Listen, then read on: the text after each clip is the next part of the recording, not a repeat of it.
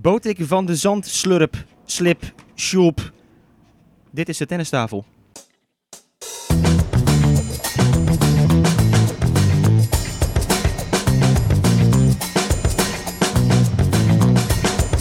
Please take your seats quickly, ladies and gentlemen.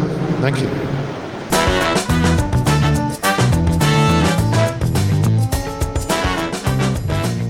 Is maandag 6 september. De zomer is eindelijk begonnen hier in Nederland. We zitten op een uh, prachtig terras bij TC Unicum, waar we dit jaar ook al een keer hebben gezeten. En de tweede week van de US Open gaat beginnen.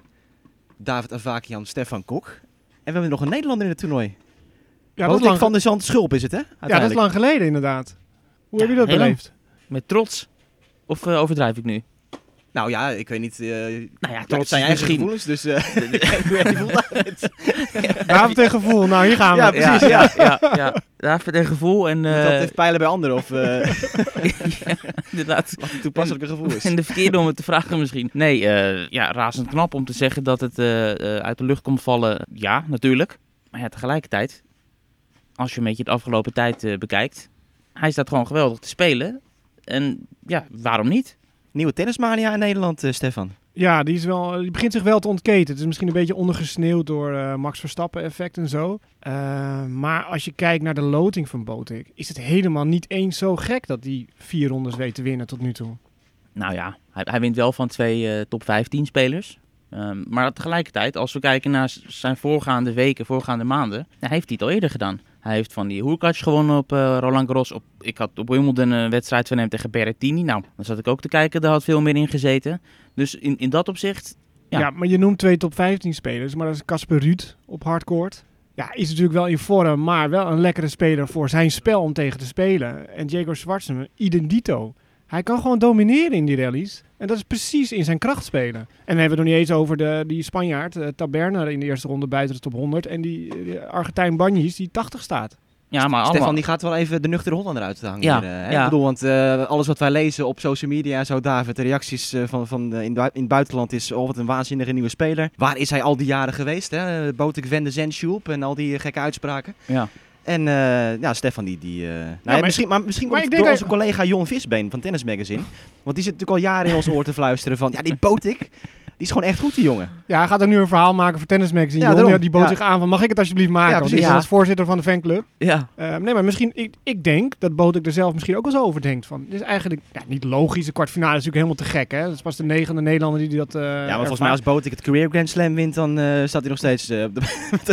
nou ja, hij wordt ook wel gekscherend botox van de Zandschulp genoemd. omdat, ja, natuurlijk een pokerface. Ja. En dat is super een nuchtere, ja, introverte jongen. Uh, maar hij zei van tevoren ook tegen over Zwartsman van ja, zijn spel ligt mij denk ik wel. Ja.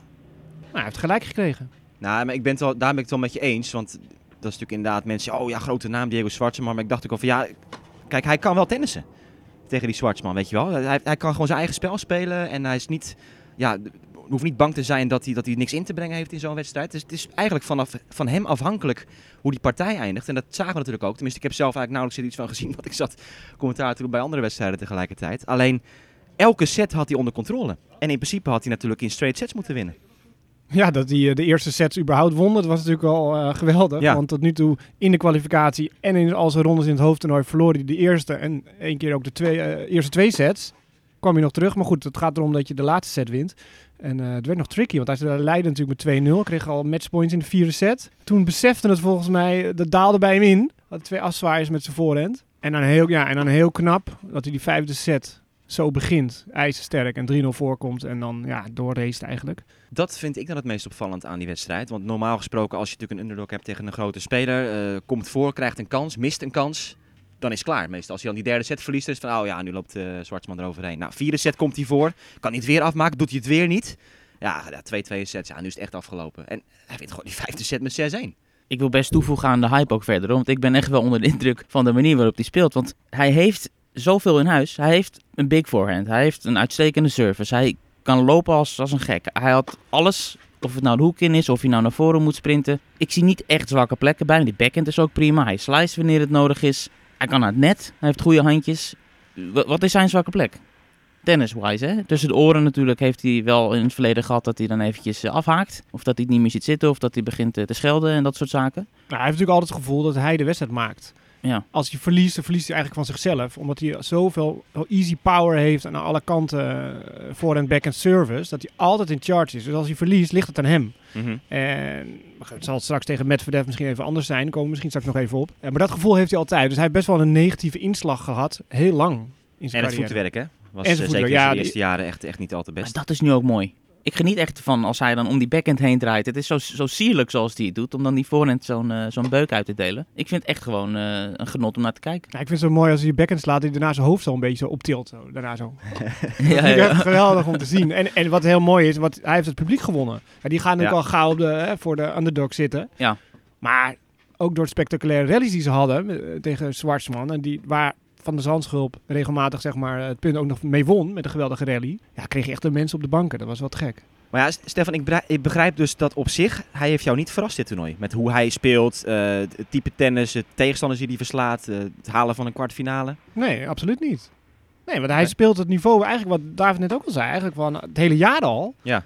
En nu valt het gewoon goed, omdat de loting ook zo uitpakt. Kijk, die wedstrijd tegen Casper heb ik ook gezien. Ja, natuurlijk, Botek maakt geen fout, geeft heel veel druk aan allebei de kanten. Mhm. Ja, en Ruud werd er ook een beetje gek van. Maar die ging fouten maken, vooral met zijn voorhand. Ja. En tot nu toe, alle spelers die hij heeft verslagen, vielen wel perfect in het pulletje tegen hem. Nou ja, maar je is- moet het wel doen, hè? Daar gaat het natuurlijk niet om. Klopt. eh, de groot stadion, iedereen kijkt natuurlijk. En veel geld. En En, en er was natuurlijk begin van het jaar al een beetje een hype hè, eh, rondom Van de Zandschop toen hij het in Australië ook goed deed. Niet alleen de kwalificaties daar voor, de, voor het hoofdtoernooi, maar ook eh, in ATP-toernooi dat hij, dat hij al ver kwam. Was het halve ja, tegen eh, Ja, tegen Gatchinov. de grote- Had hij matchpoint ook, hoor? Ja, had ik matchpoint. Precies, ja. ja. En, eh, Ja, groot schema. En ehm, dus, dus daar zag je al van, hé, hey, dit is wel even een, eh, iemand die een, echt een stap heeft gezet in zijn carrière. Alleen het feit dat hij natuurlijk gewoon zes wedstrijden op rij wint met het verliezen van de eerste set. Ik denk, dat moet ook bijna al een eh, record zijn, toch? zes wedstrijden op rij. De eerste set verliezen en toch winnen. Ja, ik had ergens geschreven van hij heeft gewoon een set nodig om even zijn tegenstander te ontdekken, ontrafelen. En dan gaat de trein pas lopen. Ja. Maar ja, de eerste ronde stond hij 2-0 achter in de sets tegen die, die, die Spanjaard, Carlos Taberner. En tegen, tegen Facundo Banjes inderdaad eh 3-6 en toen 6-0, 6-2, 6-2. In één keer kaart omgedraaid die wedstrijd.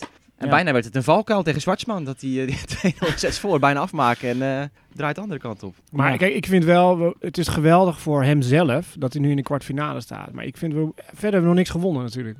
Nee. Ja, is dat misschien heel onnuchterend. Maar voor hem is het te gek dat hij in de kwartfinale staat. Maar ja, wat hebben wij daar verder allemaal, weet je? Hij is nog geen Grand Slam winnaar of finale, ja.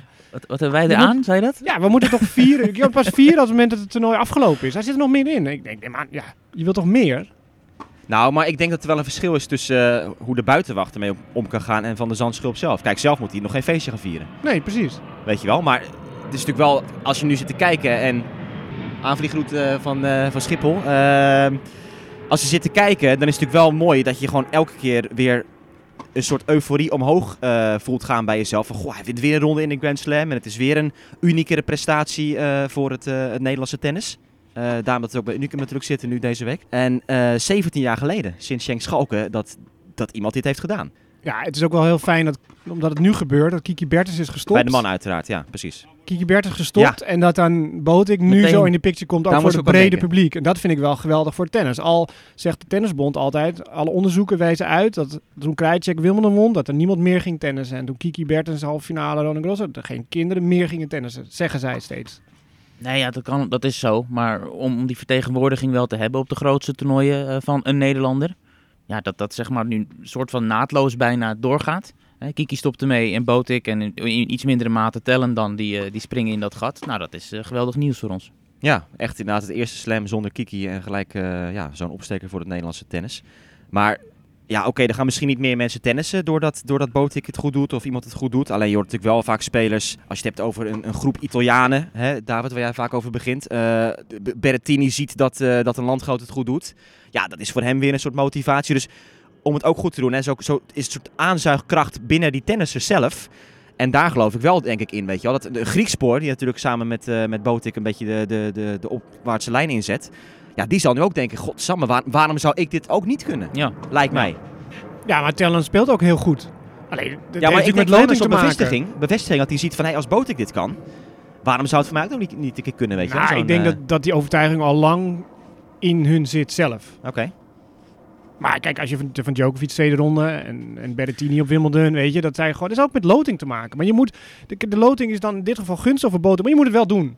Ah, één, één dingetje Het is wel grappig. Hè? Loting is gunstig, zegt ja. weet je, wint van de nummers 8 en 11 geplaatst. Maar nee, maar het is wel waar wat je zegt. Het type tegenstanders is natuurlijk gewoon wel eh, Ja, ja. ja. en, en als we is het een voordeel. dan, dan toch over eh, hè, dat Nederlandse succes hebben. Is, is dit een succesje voor de bond? Want hij wordt begeleid door een, door een bondscoach. Ja, dat is misschien niet het juiste woord, maar wel iemand die vanuit de KNLTB eh gevraagd is om met hem te werken. En ik vind het een heerlijke verschijning trouwens, zo langs de baan als hij zo zit met die uh, stoïcijnse blik. Helemaal in zijn Goed duo eentje. is het wel. Go- Goed duo, Ja, lekker inderdaad. energiek. lekker energiek. Ja, die bewaren alles voor, eh, voor de rally. Ehm, maar ja, dat is denk ik voor de bond ook eh, eh, een reden van blijdschap. Ja, nee, tuurlijk. Hij wordt ondersteund. En, en je ziet wel dat hij is 25. En die ondersteuning gaat nu langer door dan in het verleden. Dan stopte dat zeg maar bij Jong Oranje. En daarna moest je het dan zelf uit. En, en dat, daar plukken ze nu wel de vruchten van. Hè? Dat ze gebruik kunnen maken van NTC, van de coaches, et cetera. Eh, maar ja, Boten komt nu wel in de fase van zijn carrière. Hij heeft nu veel centjes verdiend. Hij gaat richting 60 van de wereldranglijst. Dus hij kan ATP-toernooi, komt in alle slams. Dat hij het voor zichzelf gaat zorgen. Ja, nou, het, hierover precies. Want ik kreeg gisteren terug eh, van Hilversum of naar Hilversum. En dat is vlak na die wedstrijd met, eh, die, die boot ik had gewonnen. En NOS die had eh, Schapers aan de lijn, rechtstreeks in New York. En die ging het over. Kijk, nu komt er natuurlijk een enorme zak geld zijn kant op. 400.000 heeft hij sowieso al, begrijp ik. Ja, hij, hij verdubbelt nu zijn carrièreprijs. Ja, ongeveer, ja, en- met, en- met dit toernooi alleen al. En de afspraak is dat Schapers hem tot het einde van het jaar gaat begeleiden. Maar Schapers die zijn meteen, weet je, nu heeft hij dus dat geld. En nu moet hij gaan proberen echt een team om zich te gaan vormen. Want die, die luxe heeft hij nu. En of ik daar onderdeel van uitmaak, ja, dat, dat is aan, aan Botik. Nou ja, dat is de vraag. Is het de keuze van Botik geweest om Michiel eh, mee te nemen? Als hij vrije keuze had gehad, had hij dan nu ook met de schapers in New York gezeten? Of heeft hij hem zeg maar aangeboden gekregen? En eh, ja, tuurlijk, doen we. We gaan tot een half, nog een half jaar verder samen. Want Hij wilde heel graag met Peter Lucas verder. Maar ja, die eh, nam een andere route naar Roland Garros. Dat, dat, daar kreeg je wel een klap van. En hij zat natuurlijk met Dennis Schenk en Tellen Griekspoor. Maar, eh, en er kwam Raymond Sluiter daarbij. En dat, dat, dat ging niet helemaal lekker. Dus toen splitsten ze Tellen en Botik. Toen ging Botik een beetje zwemmen. Ja, en toen kwam Michiel Schapers. Ja, het klikt. Dat is jammer, want ik had mezelf nog aangeboden. Want ik zat met Botik nog bij eh, de Dutch Open. Had hij eh al finale geloof gewonnen. Dus ik ging even met hem zitten, een half uurtje samen Ja. met Jon. En eh daar hadden we het over zijn coaching-situatie ook, inderdaad. Legde hij dat zo uit. Toen zei ik van, nou ja, eh, ik ben beschikbaar samen met Jon. Ja. Toen had niemand. We was daar ook helemaal alleen. Ik zeg, ik doe de sparring en eh, Jon de ervaring. Ja. Shit, hadden we daar een mooie New York Ja, ik heb ook begrepen dat het kaartste af op de salariseisen van jullie twee. Ja, ja, precies. ja, precies. dus dat, dat misschien, kon je na, toen nog niet betalen. misschien na de US Open. nee, maar jij, jij verwacht dus wel dat, dat hij straks een stap gaat zetten. Hè? dat hij gaat zeggen, nou, ik ga echt puur voor mezelf iemand nu aannemen, fulltime traveling coach. Ja, maar dat moet ook wel. Ik kan me niet voorstellen dat de bond hem nog gaat eh, ondersteunen. Als je, als je in alle Ja. slams komt, nou, dan ben je al verzekerd van 2, 2,5 ton sowieso. Daar moet je gewoon je eigen broek op gaan houden. Ja. Maar dat is prima. En daar is het ook heel het traject voor bedoeld natuurlijk. Maar mijn hoop is dan, weet je, als het echt zo'n goede combinatie is met Schapers... dat hij dan niet om, eh, weet ik veel, contractreden of wat dan ook... dat ze dan uit elkaar gaan, weet je. Als dat zo goed werkt, haal die Schapers dan desnoods weg bij de bond... om hem, eh om ja, maar je weet niet of de Schapers dat wil natuurlijk. Is ook zo, maar Die leeft in Oostenrijk, leeft half in Nederland. Ja. Die heeft afspraken met een bond. En ik vind loyaliteit is ook belangrijk. En, en er is al wat roulatie bij de tennisbond. Hè. Een aantal mensen weg. Peter Lucas is weggegaan, Peter Wessels weggegaan. Dus en, dat- dat gaat best wel rap. Dus stabiliteit daar vind ik ook wel prettig.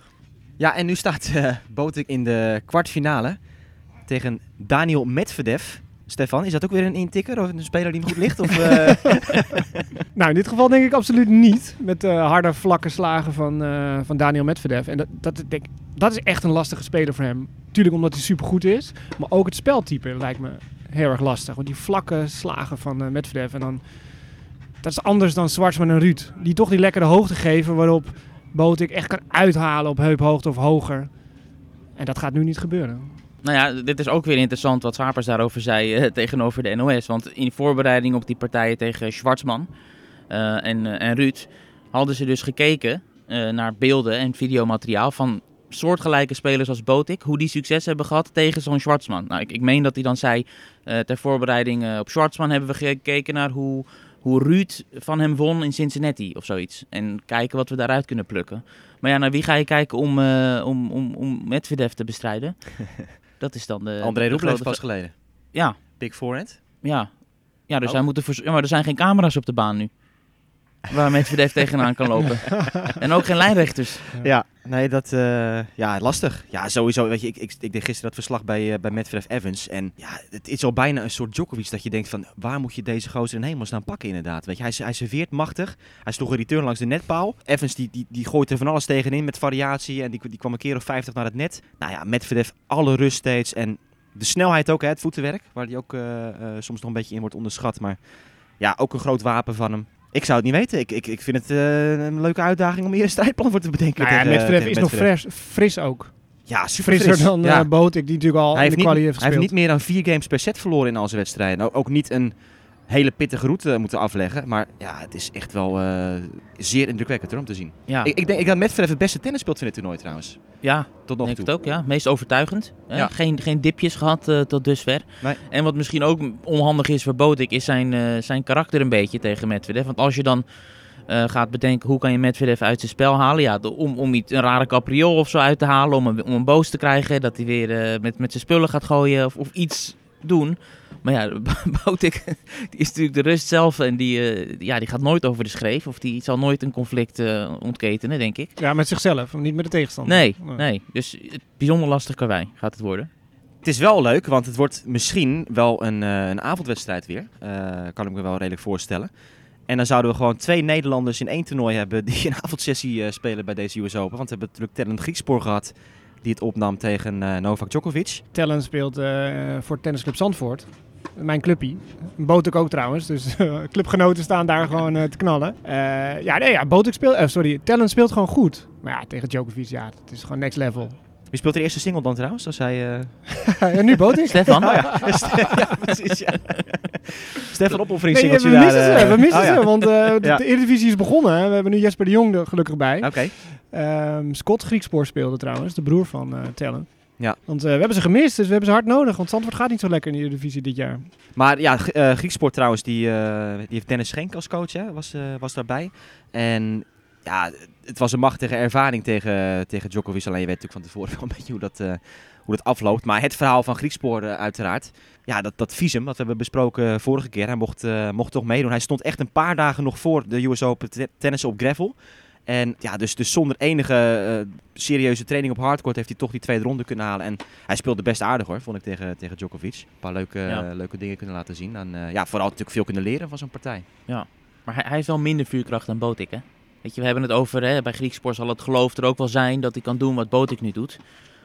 Maar ik zie bij Tellen wel iets meer tennisbeperkingen dan bij Botik. Of zie ik dat verkeerd? Nee, ben ik wel met je eens. Kijk, Tellen kan niet uh, de tegenstander echt van het veld blazen. Dat, ja. En dat kan Botik wel. Die, die slaat zo makkelijk. Alleen Botik heeft nooit echt geloofd dat zijn ballen genoeg pit hadden of zo. En dat iedereen zei tegen hem, en toen, dat moest hij gewoon ook zelf beseffen, dat dit is eigenlijk al genoeg. Hij hoeft niet meer te doen dan hij al doet, want het is al zo, kanonskogels.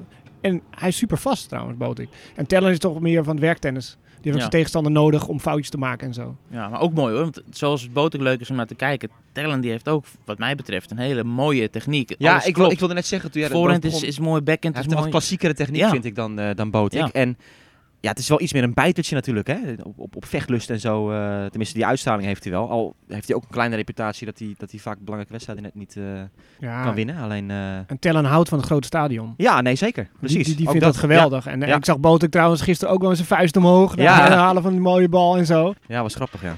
Maar goed, ja, een bijzonder toernooi dus voor de, voor de Ne- Nederlanders in dat opzicht. En Stefan, je hebt het al een beetje gedropt af en toe, Zandvoort. Jij komt uit Zandvoort, jij woont daar. En daar is ook iets gebeurd afgelopen week, hè? Voordat we doorgaan met de rest van de, de US Open. Ja, Toch even leuk om te horen.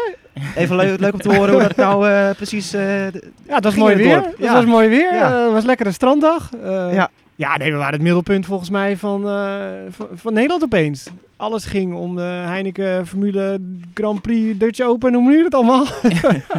maar goed, Max Verstappen, ja, het was gekkenhuis. Het was gewoon vier dagen Koninginnedag. Of Koningsdag moeten we tegenwoordig zeggen. En overal Max Verstappen vlaggen, truitjes, petten. En ik ben zelf ook nog even op het ski geweest. Ja, het was één festivalsfeer. Het was echt geweldig. Geweldig. En kon je eh, het dorp nog uit in die dagen ervoor of zo? Of heb je echt eh, een soort, eh, soort gevangene gevoeld in, in Ja, dat dacht ik wel, want ik had wat afspraken moeten afzetten. Heb ik afgezegd op donderdag buiten het dorp, want ik dacht, kom er niet meer in en niet meer uit. Dat werd ook afgeraden. Toen hadden we wel het files, maar in het weekend helemaal niet, want we hadden het helemaal afgezet. Dus wij als bewoners konden gewoon erin en eruit. Het was echt doodstil. Ik heb nog nooit zo stil gezien op de Zandvoortslaan. En eh, iedereen kwam met de fiets. Ja, het was natuurlijk geweldig weer, dus wat dat betreft was het geen probleem. Maar uh, mensen, we moesten in Beverwijk en Haarlem parkeren. En dan verder met de pendelbus voor 40 euro per persoon. Kijk eens. Ga je met je gezinnetje. Hey, hallo. Ja, of op de fiets. Ja, maar dat was wel grappig, dat fiets trouwens. Want ik heb voor het eerst echt zitten kijken naar zo'n ding, van begin tot eind. Zo'n Ehm, ding. Maar d- dat was Het is dus... een race, David. Ja. Ja, ehm, maar dat is dus een productie, wat je op Ziggo ziet, wat, wat overal zichtbaar is. Hè? Want je hebt dan die speciale logo's en zo. En dan hadden ze van die feitjes en cijfers van tevoren wat die race dan bijzonder maakt. En een van die dingen was, kwam in beeld, dat eh weet ik veel, zoveel procent van de bezoekers is met de fiets gekomen. hè. Zo'n zo'n Nederlands Oh ja. feitje wat ze erin hadden gegooid. Ja, dat was gaaf, weet je. Sebastian Vettel stond opeens bij de slager. dat was heel erg grappig. En eh, eh, Jean Le heet die, Leclerc, Ja. die kwam eh, in zijn eigen Ferrari Die bij de Ferrari, tennisclub. ja. die kwam in Oh, zijn eigen Ferrari bij de tennisclub aan. Oh, bij de parkeerde daar. Al die kinderen Oh, rennen die had meteen... geruchten over de tennistafel gehoord. Die ja, precies. ik, eh, je moet zijn. Ja. Dus al die kinderen renden meteen van de tennisbaan af bij de training en handtekening vragen. En dat deed hij hartstikke leuk, want zijn helikopter landde daar op de driving range van de golfbaan die erachter ligt. Oh ja. Het, he het hele dorp was gewoon in de ban van de Formule 1. Ja, Nee, toevallig, ik hoorde een paar vrienden die, eh, die waren in Noordwijk eh, op het strand. En eh, daar zaten natuurlijk die spelers in het hotel. En die zaten ook in zo'n strandtent. Spelers? Noem je dat spelers? Of sorry, de, de coureurs. ja, ik, weet- ik, ik heb geen verstand van die sport, Ja, maar nee, die klonk raar. ja. ja, ja, goed, mensen, het is duidelijk, wij zitten echt helemaal in de, de tenniswereld. Ehm, nee, dus die, die coureurs, die, die, Max, die Max Verstappen helikopter, die kwam er precies ook overvliegen terug uit het hotel. Dat is natuurlijk een Oh, grote ja. hype ook. En, eh, Ja. Ja, dat was een Red Bull helikopter, maar die Ja, was precies. voor Perez, want eh, Max Verstappen sliep in Zandvoort. Oh, oké. bij nou, iemand thuis. Dan dacht iedereen dat het Max was, maar Ja. dat was dan Perez. nee, dat, Oké. was, dat hielden ze stil, maar hij sliep gewoon in het dorp. Ah, oké. Dat wist ook niemand verder. Dat was die Airbnb bij jou of zo, toch? Was Dus, dat, eh, eh, dat kon hij niet betalen. Nee. Zo, Red Bull. Kan ik wel gebruiken. Ja. Ja, eh, ja, David, jij bent eh, echt eh, de, de, nacht, de, Ik, de- ja. nachtman geweest hè, op Eurosport afgelopen week. Want, Alleen maar nachtpotten. Nou ja, hartstikke leuk. De primetime. Hè? Ik krijg de primetime wedstrijd, Ja. jongens. En wat was het? Die dag dat er zoveel regen viel, hè? Was jij ook aan de beurt? Ja, maar mijn, mijn potten zaten onder het dak. Dus ik heb daar op zich niet zo'n last van gehad. Die wedstrijden waren gewoon heel lang. Dat Ja. was die Osaka en, ehm en Tiafo Rublev dag. Ja. Nee, eh, Kwart over acht ochtends klaar. Zoiets. Ja, ja want ik zat, Ja. ik zat daarvoor met die, eh die Tsitsipas Alcaraz. En die- daardoor moest jij Daarom moest, beginnen. begon het al laat, ja. En werd het echt een eh, kwart over twee local time eh, finish die, die woensdag. Nou, maar jij zei net dat Medvedev misschien wel het beste tennis op de US Open speelt. Ja. Maar je noemt nu Alcaraz. Ja. Wauw. Ja, zeker. Maar goed, dat is natuurlijk nog met pieken en dalen. Ja, dat, is, wil dat, is, dat, zeggen, is, ja. dat is niet van de eerste tot de laatste bal in de Is- openingsweek geweest. Slaat af en toe wel een zetje over, ja. Maar eh, ja, als, als we daar maar gelijk even op doorgaan. Echt een van de meest waanzinnige dingen die ik eh, in jaren heb gezien. Die, die beginfase tegen Tsitsipas. Nou, ik zat echt met kippenvel. Ik dacht, wat gebeurt hier in hemelsnaam, joh? Hij komt 4-0 voor. Zeven winners, nul onnodige fouten. Echt, vanaf de eerste bal, alles knallen, alles hakken, voor- en backhand. Ja, Tsitsipas die was gewoon een, eh, een speelbal. Ja, dat je weet, dat, dit kan niet. Hoe lang Nee. gaat dit vallen? Nee. Dit gaat niet Nee. gebeuren natuurlijk. En die Klopt. zag het ook wel langzaam draaien op een gegeven moment. Maar ook, en die dropshots, want ja, Dropshots goed getimed, elke keer. Niet- allemaal goede keuzes. En Ja. alles wat hij raakte was goud. Ja. Maar ja, hij doet het in die tiebreak ook, hè?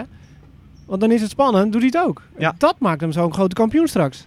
Nou ja, precies. En, en dat is dus ook weer, dat schiet me dat Botik-verhaal weer te binnen. Dat dus hij laat de kansen liggen. Of nou ja, hij verliest die vierde set met 6-0 van, eh, van Tsitsipas. En dan denk je, oké, ja, tank is leeg waarschijnlijk. Jonge gozer.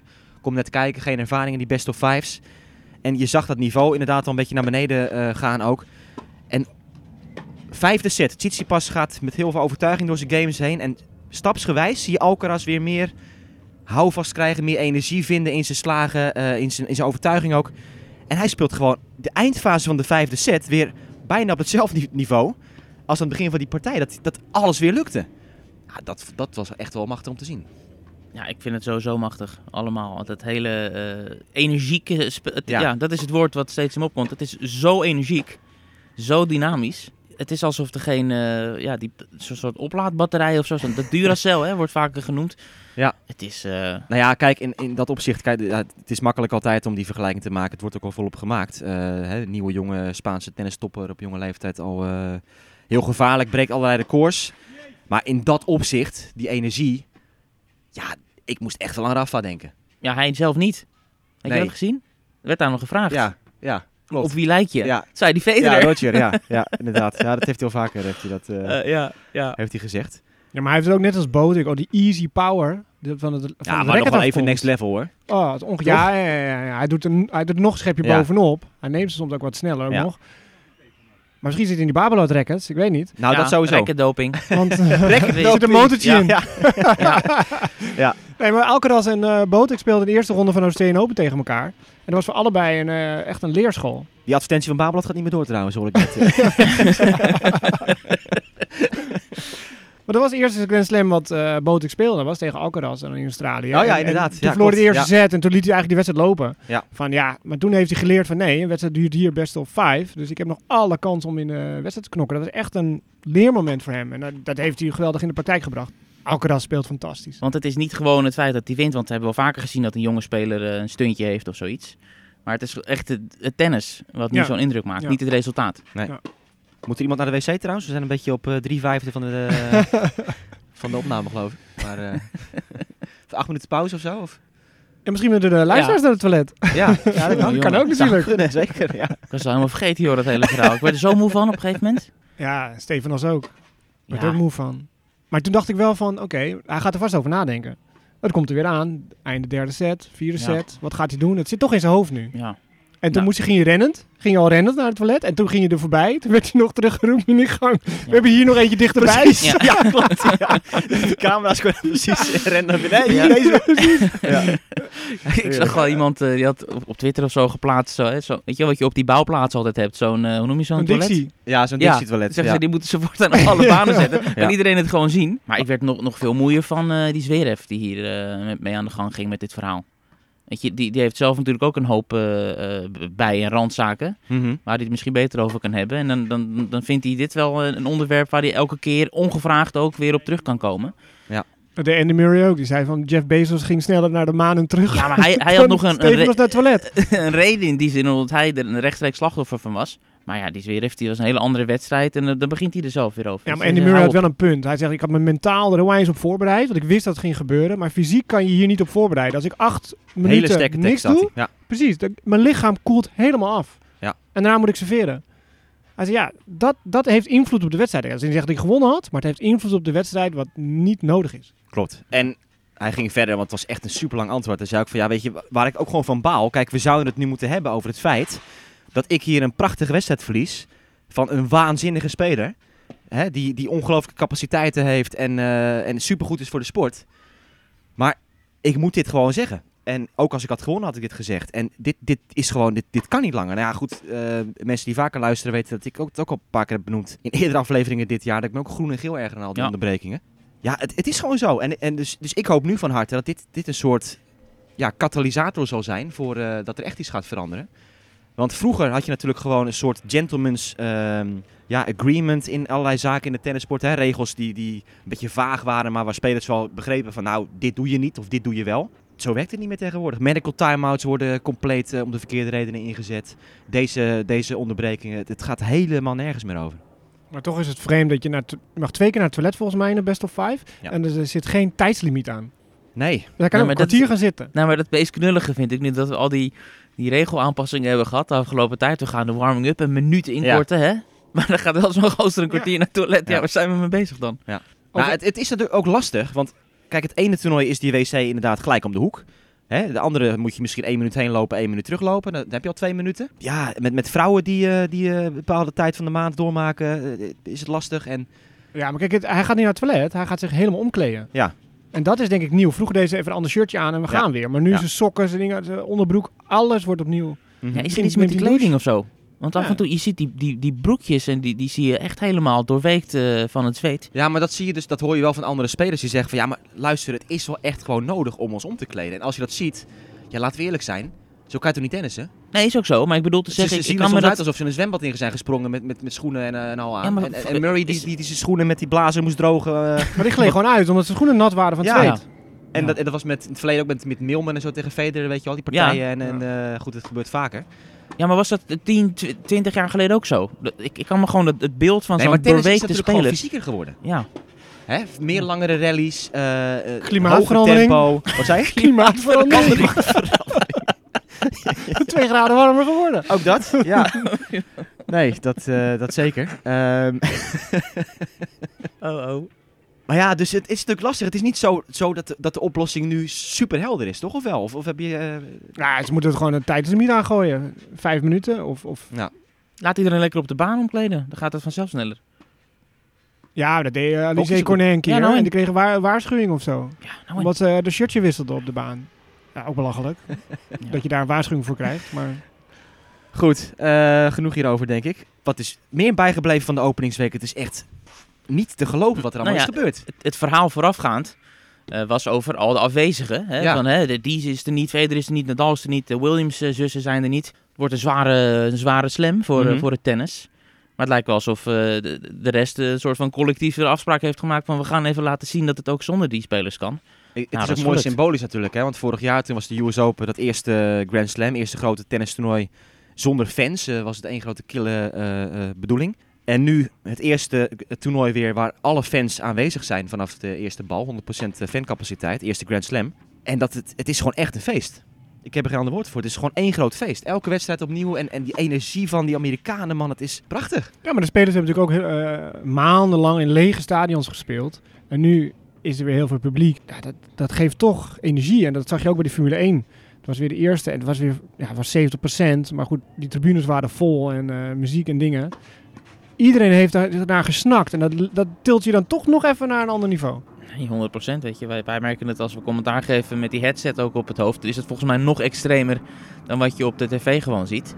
Af en toe uh, ja, wil je gewoon stil blijven en, en, eigenlijk het gewoon laten. Want dat is zo genieten om, om dat publiek uh, uit zijn Er is niks mis mee hoor, af en toe stil blijven. Zeker weten. Dus uh, nee, 100% Behalve in de podcast dan. nee, precies. Um, een paar grote verrassingen die eruit springen uiteraard. Met name bij de vrouwen. Ashley Barty en uh, Naomi Osaka, die hebben verloren.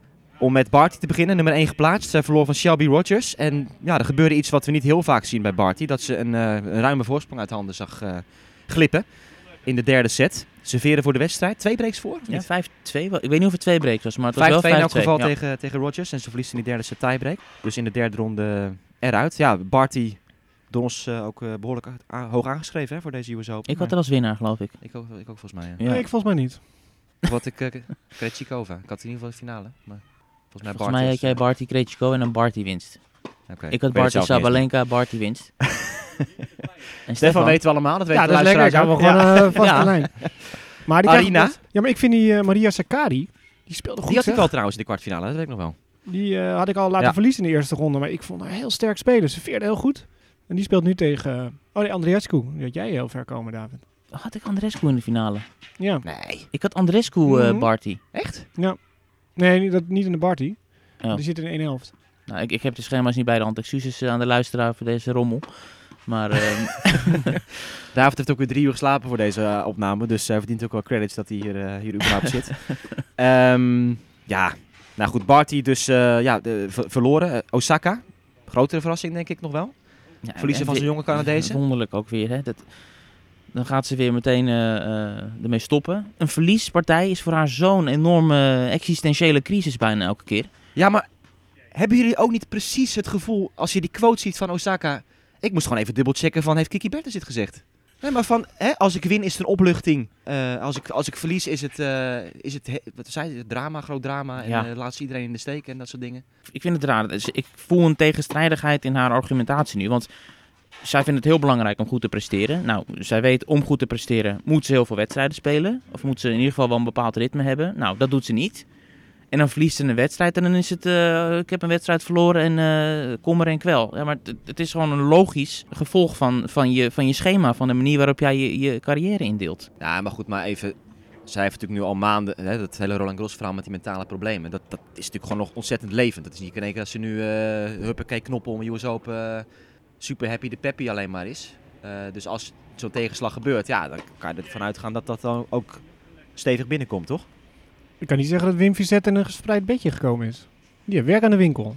En daar doet zijn werk niet goed. Oh. Ja, toch? Als er zo, zo, zo erbij zit. Ah, is dat aan een tenniscoach? Coach? Ja, ja, zegt het psycholoog uh, is dan misschien meer een... Uh, nou ja, hij, hij heeft aangegeven in interview met Tennis Magazine trouwens... Uh, dat het voor hem een absolute droom is om met haar te werken. Echt het ultieme. Hij wilde eerst met Maria Sharapova heel graag werken. Omdat dat zij vorig jaar zei hij dat tegen jou, toch? Was ja, het vorig jaar, was, was een leuk interview. En hij is sowieso heel uitgesproken. Maar het was voor hem een eer om met zo'n een, een, speler te werken die zeg maar, de sport overstijgt. Nou, dat is met Osaka nu wel eh, aan de hand. Maar dit had hij denk ik niet uh, aanzien komen. Nee, dat lijkt me ook niet. Als hij misschien niet ingestapt. Nou ja, goed, ze hebben wel succes gehad al. Hè. Ze hebben natuurlijk samen Australian Open eerder dit jaar gewonnen. Mm -hmm. uh, US Open vorig jaar nog niet, hè? Samen of ook al samen? Ja, ook al samen, denk ik. Vicet toen met... Het zou kunnen, ja. Ik zou iets mee weten. Tegen Azarenka, ja, zeker wel. Ja, ja, ja. Want ook ex-coach van Azarenka geweest natuurlijk, dus dat was nog een heel verhaal toen. Nou ja, je zegt hij kan het niet zien aankomen, maar kijk, die, ik moet weer aan die Netflix-documentaire denken. Uh, Osaka leeft voor anderen. Leeft voor, voor, voor wat er op haar bordje wordt gelegd aan, aan uh, sponsordeals en ja, nu moet je dit doen. En Vizet die je tennisdeel dan doet. Hè. We gaan nu drie weken dit en dat doen. Oké, okay, daar gaat ze in mee. Zij is heel volgzaam in wat andere, haar ja, opdragen is misschien een groot woord, maar in ieder geval uh, voorleggen. Toch? En ik denk dat dat gewoon ontzettend wringt. En, en daarom, dat zegt ze dus nu ook. Als ik verlies, ja, dat, ze verliest niet alleen zelf, maar ze verliest voor een hele ploeg. En, en voor haar fans en weet ik veel wat allemaal. En dat is gewoon zo'n grote druk voor haar. En als ze wint, ja, zij is de wereldster. Hè? Al die sponsorcontracten, er wordt verwacht dat ze presteert. Goh, gelukkig, ik heb gewonnen. Voor al die, uh, die sponsoren en, en, wat dan ook. Ja, zij kan het gewoon allemaal niet aan, joh. En het is, het is ook gewoon loodzwaar als je dat, die, die documentaire ziet. Ik, zou, ik denk ook van, jeetje mina man. Wat draag je helemaal een beetje mee? Ja, daar, daar, heb je helemaal gelijk in. Maar als je een vergelijking misschien maakt met Maria Sharapova, die ook zo'n wereldster was buiten de baan. Maar die was, wist donders goed. Ik moet op de baan, dat is prioriteit nummer één, presteren en goed zijn. Want als ik dat niet heb, valt de rest weg, zeg maar. Maar zij, is, zij is mentaal ook gewoon harder geweest, weet je? Ja, maar ze zit altijd tennis op één. En Osaka doet hij dat ook. Hm. En Sharapova was altijd tennis op één, want dat is de, nou, de aanjager, de katalaat, waarom ik zeg maar besta, waar ik de rest allemaal erbij kan doen. Al de businesses die ze deed, de sponsorcontracten en et cetera. Zonder dat tennis, tennis was op één. En mhm. Osaka, maar je ook, zie je ook in de documentaire, nou je ziet er meer uh, overal en ergens, behalve op de tennisbaan. Ja, nou ja, maar nu zegt ze dus ook van ja, ze, ze, ze moet gewoon even gaan bedenken wat ze eigenlijk wil. En ja, kijk, zij kan natuurlijk heel makkelijk nu zeggen van ik stop er gewoon mee. Dat kon Sharapova ook, maar die was echt gek van de sport. En, en dat betwijfel ik een beetje bij Osaka. Is zij nou gewoon ook echt zo'n tennisgek? Weet je wel? Volgens mij heeft ze er ook zelf ook nooit echt over nagedacht of zo. Ja, nee, maar tegelijkertijd heeft ze wel van die tekst van... Hey, ik wil uh, meer slams winnen dan Serena. Ja, dat is al een paar jaar geleden hè, dat ze dat zei. Ja. Dat was toen ze opkwam en er is nog geen verwachtingen. En, uh... Eén ding wat wel opvalt is dat ze op vrij jonge leeftijd al een vrij mager schema speelt. Ja. dat is toch iets wat je op een iets latere leeftijd doorgaat ziet. Ook bij de Sharapovas en de Serena Williamsen. Absoluut. Ik, ik heb het schema van Serena op 23-jarige leeftijd niet zo uh, helder voor de geest. Maar nou, ze heeft natuurlijk wel jaren, voor, voordat ze met Morotoglu werkte... Heeft ze natuurlijk ook jaren gehad dat ze heel weinig speelde. Hè? Maar op 23 al? Ja, want toen was er kritiek van... Uh, oh, ze nemen het allemaal niet serieus. En, uh, ja, is ook zo. Weet je wel? En dat is ja. Moratoglu toen later in één keer weer helemaal teruggebracht. Alleen, um, ja goed, we gaan het, we gaan het zien. Ik denk, ik denk niet dat ze dit jaar nog speelt. Ze zal waarschijnlijk zich op de Australian Open gaan richten volgend jaar. Dus uh, nou, het is in ieder geval een groot contrast als je Osaka hebt en die andere nieuwe kampioenen, Barbara Krejcikova. Want die zit echt nog uh, volledig in een, uh, in een droomwereld. En ja, die, die zie je gewoon genieten. En jongen, dat is toch zo mooi om dat weer, weer, weer steeds ook... ja, je maakt de debuut toch, op de US Open? de debuut bij de US Open. Ze staat in de kwartfinale. Ze won van Muguruza. Wat trouwens wel um, een bizar einde opleverde vannacht.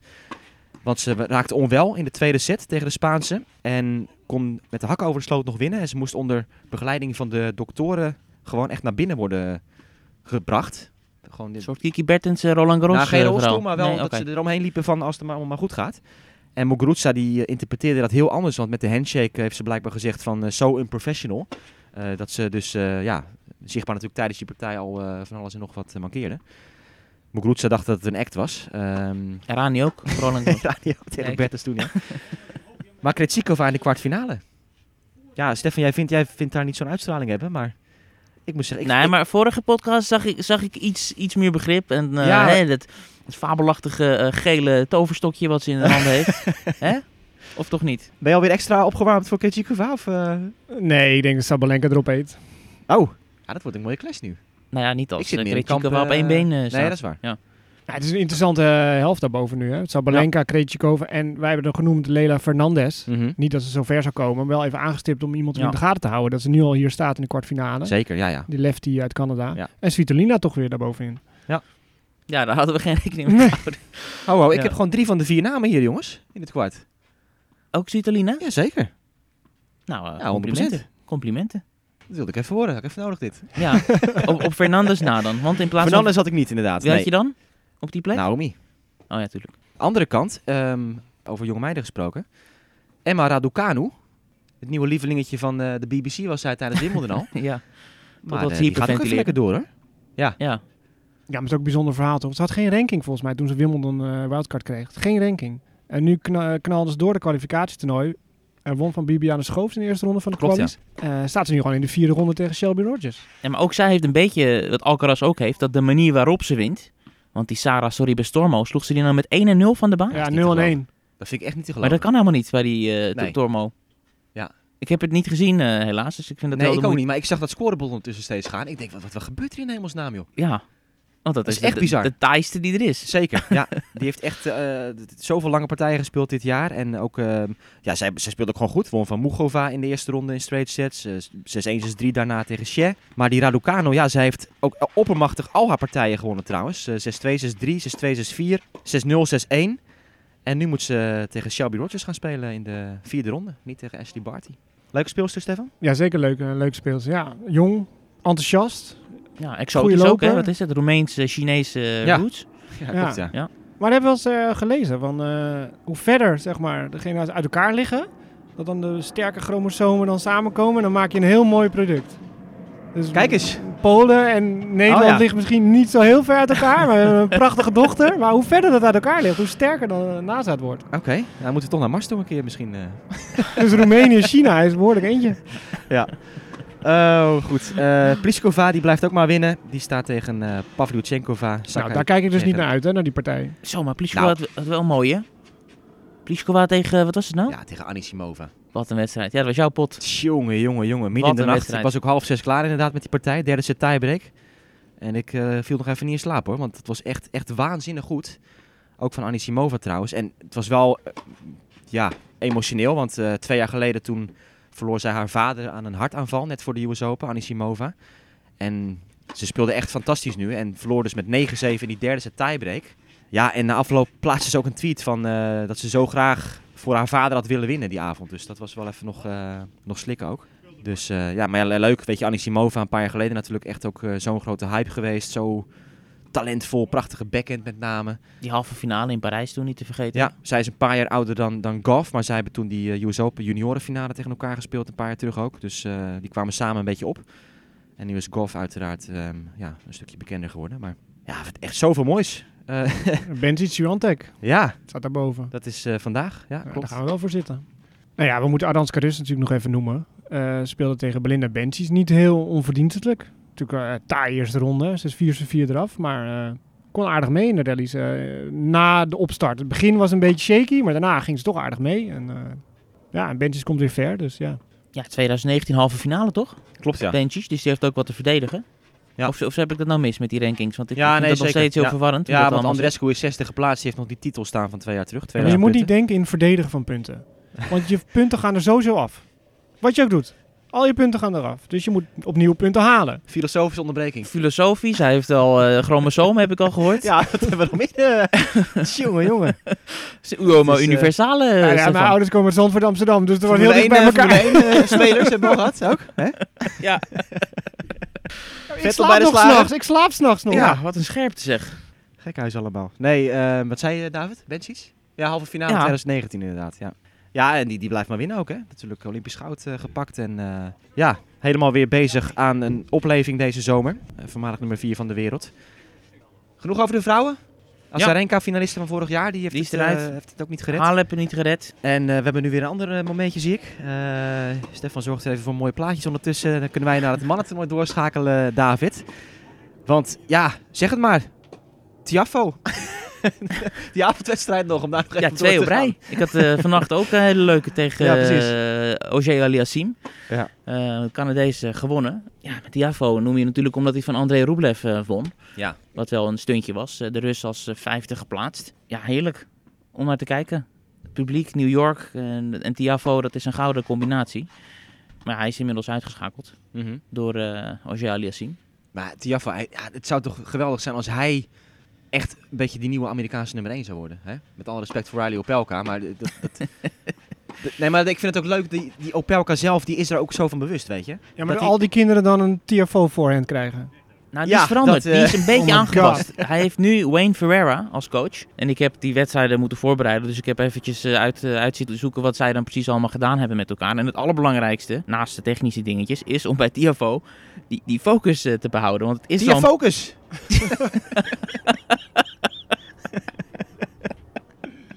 Oh, oh, ja, want dat is het grote probleem. Want hij is zo'n zo'n showman. En wat doet hij dat graag met het publiek, dat, eh, al die dingen. Maar die, die Ferreira, die zegt, ja, maar daardoor raakt hij steeds eh, van slag zelf. Weet je, de, focus is dan weg. die, die, die focus. En, en die balans moeten ze nu vinden. En dat lukte heel goed tegen André Roeblev. Want hij is super geconcentreerd en, en heel goed. En, en tactisch ook heel snel. Elke bal die hij sloeg, was, zat een bedoeling achter. Nou ja, het smaakt naar meer wat mij betreft. Ja, maar hij kan het wel, weet je. Zeker, Ook, ook ja. eh Australië Open, een paar jaar geleden, van die van Dimitrov, die Ja. in vorm was. Kwartfinale was dat. Andere wedstrijden ook, dat je denkt van, jongen, jij bent zo goed. Hij heeft van Tsitsipas gewonnen, eerste ronde Wimbledon dit jaar. Niet te Oh vergeten. ja, klopt, ja. Ja, inderdaad. Ja, goed, Tsitsipas met taal was toen wel, was die, Ja, eh, maar behoorlijk ja, weg. Maar... Toch straight sets. Nee, eens. Nee, maar ja, goed, het is, het is een flauwe grap, maar die focus inderdaad is ehm, altijd een issue geweest bij hem. En ik heb dat ook altijd gezien bij die coaches en eh, die, die, die Next Gen Finals een paar jaar geleden, dat ze mochten communiceren, weet je wel. En dan ging het ook steeds van, oké, blijf in het moment, blijf in het moment. Alleen bezig met het volgende, laat je niet eh, afleiden door allerlei dingen. En constant die, die, die, die, dat hameren daarop. Ja, want Stefan, ja goed, die, die, die voorhand is technisch misschien niet perfect, maar het is natuurlijk wel gewoon een, een ontzettende interessante speler waar ik zelf heel vrolijk van word als ik naar hem kijk, moet ik zeggen. Ja, er gebeurt altijd wat op de baan. Ja. En, eh, hij is super snel. Hij maakt ook eh, dropshot keuzes en dingen. Ja, Ja. het is natuurlijk het is spektakel. En gewoon die Het lach, is weet je, spektakel. dat is toch wel prachtig. Ja. kop Ja, heeft hij. absoluut. Nou ja, en één, één belangrijk ding. Waarom speelt hij nu zo goed? Hij heeft aangegeven als een van de weinige spelers, die, die pandemie, die onderbreking, is het beste wat mij is overkomen in mijn carrière. Want Hm. ik zat in een, in een zwart gat daarvoor. Mijn ranking eh, was helemaal aan het eh, wegvallen. Toen die pandemie, kon er weer tegenaan, nieuwe coach en eh, bam. Kon hij een beetje de fitness in? Ik, ik, keek- ik, ik keek mezelf Jezus. Ja, het, ik keek mezelf eh, aan in de spiegel en ehm, wie wil je zijn? Waarom ben je hier? Dus hij heeft echt een soort paar filosofische vraagstukken opgelost voor zichzelf. En ja, dat, dat zie je terug. We hebben wel eens naast hem gestaan bij Rosmalen. Zaten we tennis, tennis Oh ja, voetbal klopt, te ja. Ja, was een niet, Roland Garros finale zat Oh ja, ja, kijken ja, met ja, hem. ja, ja, inderdaad. Maar je ja. moet je echt focussen om hem te verstaan. Het is, Echt die eh, ja. zware, brombeerachtige stem. Ja. Geweldig, maar hij is een superleuk vent. Goed, dat waren vijf minuten over een speler die is uitgeschakeld. Eh, Felix Ogier Aliassim heeft dus gewonnen, David. Ja, ik weet, jij een beetje mixed gevoelens heb jij over Felix toch altijd gehad? Van die hype van een paar jaar geleden dat hij zo'n super talent is en eh, Ja, ik, dat, dat hij het helemaal gaat worden. ik, Ik heb er meer... twijfels bij gehad. Nou, misschien niet. Ja, ook wel deels om, om het tennis, dat het dan net iets ontbreekt of zoiets. Maar ik had meer zoiets van... Ik, ik, ik ben niet zo'n fan van die heilige boontjes Oh, op de Tour. Weet je, dat is, het is, het is, hij is te goed. Het is zo'n clean en alles klopt. ja. En hij is eh, zo vriendelijk en, het, en alle antwoorden zijn zo, zo zoet, sappig en weet je, een soort eh Ruud-achtig figuur. Ik moet even lachen, sorry, ik was afgeleid. Liggen hier, hoeveel banen liggen hier op Unicum? Ja, een stuk of eh, negen. Oké, en er is er één bezet. Ja. En de jongens iedereen worden er nu afgehaald. Iedereen wil op centercourt spelen hier, hè? Dat snap ik ook wel. Het is, nou, maar ze willen ons graag horen en als je dan op baan ja. 6 gaat staan, dan... Ze willen in de schaduw van de tennistafel. Dat is toch logisch, Stefan?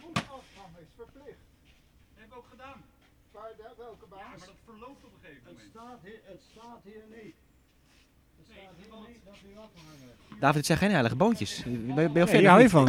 Nee, maar spektakel, daar hou ik van. Je kan ook de US Open afvangen, hè? een baantje gewoon. Als er niet gespeeld wordt, kan je daar gewoon, eh, kan je gewoon naar New York gaan, kan je daar spelen. nee, zeker. Dat is vet. Ja, ja, het leuk dat, dat Felix Auger-Aliassime weer goed speelt. Hij had een dipje gehad. Eh, maar hij krijgt ook meteen weer praatjes, of moet ik zeggen. Hij, hij voelt zich weer dat hij meer moet doen dan alleen maar goed tennissen. Want hij gaat nu zich hard maken. LHBTQ gemeenschap. En dat er ja, de homo's in het mannentennis eh, zich moeten gaan melden of zo. Of gewoon uit de kast moeten komen. Dat vind ik zo'n onzin. Waarom? Waarom moeten mensen het zeggen? Interesseert mij dat nou? Nou, David, leg het even uit. Nee, maar waar, nou? waar maakt hij zich nou druk over? Is hij het zelf? Ja, het zal mij echt jeuken Nou ja, wat hij in zijn privé-tijd doet. ik zal eh, enigszins ter verdediging. Het, het is niet dat hij dat zelf, denk ik, eh, ter sprake bracht. Want dat werd hem gevraagd. Want er was een soort Pride Night of zoiets eh, op de US Open. Eén dag in het teken daarvan. Dus meerdere spelers werd daarnaar gevraagd. En moet eerlijk zeggen dat ik het antwoord van hem niet eh, gehoord heb. Maar ik hoor het nu van jou dan. Maar anderen heb ik er wel over gehoord. Medvedev die zei ook zoiets van... Hè, dat als je hè, uit de kast wil komen... Wij hebben er geen moeite mee. Wij hebben er geen moeite Ja, mee op en zeg, dat soort zaken. Nee, maar ik, ik heb het idee dat er, dat er één journalist weer een Dat zie je natuurlijk vaker. Als je al die persconferenties ziet, dan, dan er wordt vaak één thema. Zie je dan terugkomen bij allerlei spelers. Hè? Dat, dat doen we Ja, zelf, ook wel eens. Dat we meerdere Ja. spelers vragen bij een toernooi van, eh, over, over wat dan ook. Dus dit is een thema, blijkbaar voor iemand. En die vraagt eh, heel veel spelers daar, eh, daarover. Nou ja, ik vond hij had een heel uitgebreid. Ik had het gevoel dat hij echt zo'n initiatief nam daar, daarvoor, zeg maar. Maar misschien niet. Maar ik, ja, ik ben een beetje klaar met die discussie ook in Nederland. Weet je, wees gewoon jezelf en accepteer je lot wat je bent. Stefan maakt graag uitstapjes naar allerlei andere thema's eh, vandaag. Hè? Dat is, eh, Ja, hebben we graag. Voor de, voor de eerste week niet zo leuk, Stefan? Of, eh, we, zijn, eh, we zijn nog maar net begonnen het mannentoernooi. Ja, we zijn ook. Alleen, mensen. ja, nee, absoluut. absoluut. Ehm, Jensen Brooksby. Dat is ook een tennisser. Nou, Ja. die gaat wel kans maken tegen Djokovic. Oh, kijk. Oh, Nu wordt het interessant. Oh, nou, ik vond het net ook interessant, maar... nee, maar ik bedoel, is Djokovic echt in bloedvorm? ja. Hij is gewoon heel, veel beter dan de rest. Maar hij, hij is niet onaantastbaar, dit toernooi, denk ik. En die Brooksby, Ja, maar een dat geweldige geweldig het hele jaar bij Djokovic. Ja, hoeveel, en- hoeveel... Ja, dat, dat klinkt natuurlijk super raar om te zeggen als iemand drie Grand Slam titels al heeft gewonnen. Maar hoeveel echt waanzinnige partijen heeft Djokovic nou gespeeld? Nee. Nee, maar dat is elk, elk Grand Slam toernooi ge- zeggen we precies wat jij nu zegt. Hij ziet er niet onaantastbaar uit, Djokovic. En aan het einde van de rit met... Op, Ja, maar het is Wimbledon wel, won het hij is, op het is wel 30%. anders geweest hoor. Natuurlijk een paar jaar geleden. Toen was het echt wel dat je dacht van ja, hier gaat echt niemand iets tegenuit richten. nee, maar ik heb het over dit jaar alleen. Ja, nee, klopt ook. Dit Ja, jaar, zeker, het hele zeker. jaar al. Ja. Ook Wimbledon met die met twee vingers in zijn neus. Geen enkele tegenstand eh, gehad. Ja. Er moet iets heel geks Nou gebeuren. ja, goed, die partij tegen Nadal natuurlijk, Roland Garros. Dat was, dat was natuurlijk een, eh, een fenomenaal optreden. Ja. Maar dat is, dat Die is, een, dat dan, is ja. een van de uitzonderingen Ja, geweest. zeker. Ook op Dan Australian piekt hij wel als het moet, weet je. Dat is ook weer echt waanzinnig. finale CN Open was hij ook gewoon ijzersterk. Eens. Boef, Tegen Medvedev. Tegen Medvedev. het Ja, dat- ja. echt. Maar toch. Ja. Nee, maar zoveel wedstrijden. Ook tegen Nishikori. Dat, Ja. je, dat je hem echt, echt backhands Ja. achter elkaar ziet missen vanuit de cross-situatie. Dat je denkt, wat gebeurt hier allemaal? Weet je wel? En, en eh Nishikori pakte toen die openingsset. En het, er zat echt meer in. Dat is allerlei breakkansen nog in de tweede en, en eh, derde set ook volgens mij. Dat had ik echt absoluut niet zien Nee, aankomen zeker dat hij nog bij zo de Olympische. Spelen werd hij helemaal eh, Ja. alle hoeken van de, van de baan. eh, Hij heeft 16, achter, 16 keer achter elkaar eh, gewonnen van Nishikori, eh Ja. easy peasy. ook dus dat. dat was verrassend. En Maar, Brooksby, ja, Brooksby. geweldig. Geweldig, ja. Ja, waarom? Ja, vond ik ook leuk. Ja, gewoon ook de energie, hoe die speelt en uh, anders. En die, die gekke backhand, weet je. Vind jij hem ook een soort jonge Andy Roddick? Nee. Nee? Dat zie ik pas voorbij komen nou. Ja? Vind- Nou, ik vind ja, het Roddick wel beter. Het verschil is denk ik vooral die backhand, toch? Want Roddick... De Ja, maar ook een beetje de houding en zo. Oh, de houding, De, de, ja, de uitstand, ja. die kop. eh, Ja, je, dat bedoel je. bravoure. die Ja, die ja, wel- dat is wel ja. Amerikaanse, hè? Ja. Ja. Nee, want hij heeft echt een goede backhand. En dat is bij Roddick altijd het dingetje wat, eh, wat wat minder was. Hij noemt het zelf ook. Zijn favoriete slag is backhand langs de lijn. Ja, voor een Amerikaan vrij zeldzaam. Nou ja, hij won van Taylor Fritz. Hij won van eh Karatsev. Ja, goed, jij zegt hij maakt kans tegen Djokovic. Ik, ik keek wel uit naar een Karatsev tegen Djokovic eigenlijk. Omdat hij ook eh, dit jaar al een keer van, van hem heeft gewonnen, Ja. de Rus. Dat was in Belgrado nota bene. Maar, maar wa- waarom heeft Brooksby kans tegen Djokovic? Maar je hebt altijd een kans. Ja, kans klinkt Ja, zo- maar je klonk, ja. wel, je klonk echt positief. Gelijk van, ja... ja, Ja, ja, omdat ik Djokovic niet zo sterk vond. Oké. En, en ja. Maar het zal wel eens 2, 3, 4 worden.